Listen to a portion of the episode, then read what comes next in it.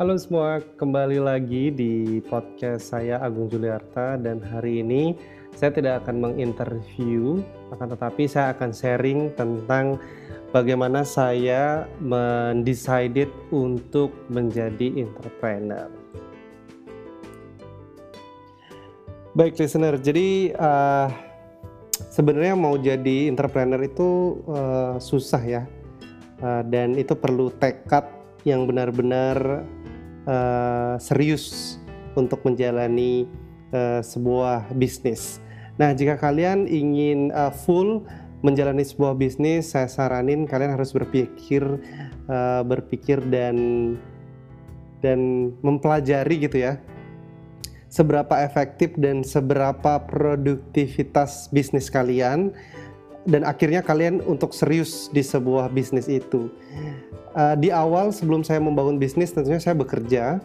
Saya sudah uh, bekerja di dunia uh, bekerja sama orang gitu ya. Itu sejak saya kelas 2 SMA saya sudah jadi waiter. Dan tamat SMA pun saya mencoba beberapa hal seperti ikut gabung di MLM terus uh, saya juga uh, membuat beberapa usaha dan akhirnya saya uh, lanjut untuk bekerja di hotel. Nah, di hotel itu pun saya belajar banyak tentunya karena uh, untuk membangun usaha tentunya kita harus perlu experience ya. Jadi sebenarnya sangat susah sekali jika kalian uh, belum punya experience tiba-tiba uh, membuat sebuah usaha. Nah, di sebuah hotel yang saya bekerja gitu, uh, saya juga di situ belajar beberapa hal dan akhirnya saya juga saya seperti kutu loncat. Uh, udah beberapa bulan merasa kurang begitu nyaman saya harus pindah. Tapi di tempat yang begitu nyaman dan saya juga harus uh, pindah untuk mencari tantangan. Nah, sebenarnya untuk bekerja di sebuah perusahaan itu memang uh, enak untuk mendapatkan sebuah uh, experience gitu ya. Kita bisa ketemu teman, kita bisa belajar dengan atasan, kita bisa belajar bagaimana kita harus mengajar uh, bawahan gitu ya. Sharing bersama tim itu dengan birokrasi yang segitu kompleks, dengan kedisiplinan kita harus bangun pagi. Nah, itu yang saya rasakan. Akan tetapi dari awal saya terjun ke dunia pariwisata, saya pernah berpikir bahwa pertama saya kali kerja uh, saya kerja di sebuah uh, properti manajemen gitu ya. Dan pertama kali saya duduk di sana saya belajar ini sebenarnya orang segini banyak itu ngerjain apa? gitu.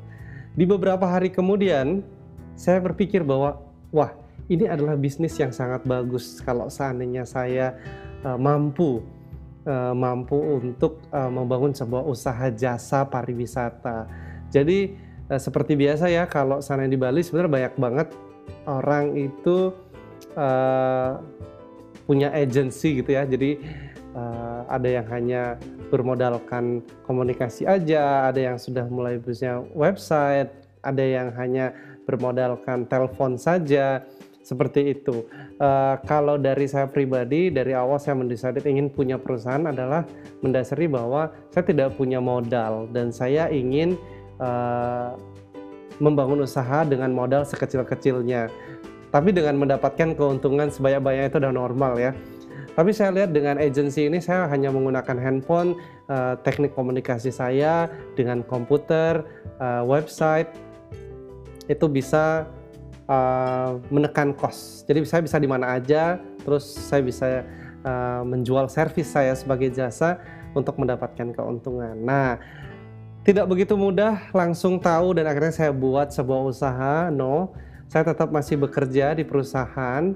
Saya pernah kerja menjadi resepsionis, saya kerja sebagai reservation, sales dan marketing, dan akhirnya uh, di satu titik gitu ya, saya merasa ya saya mampu untuk berentrepreneur.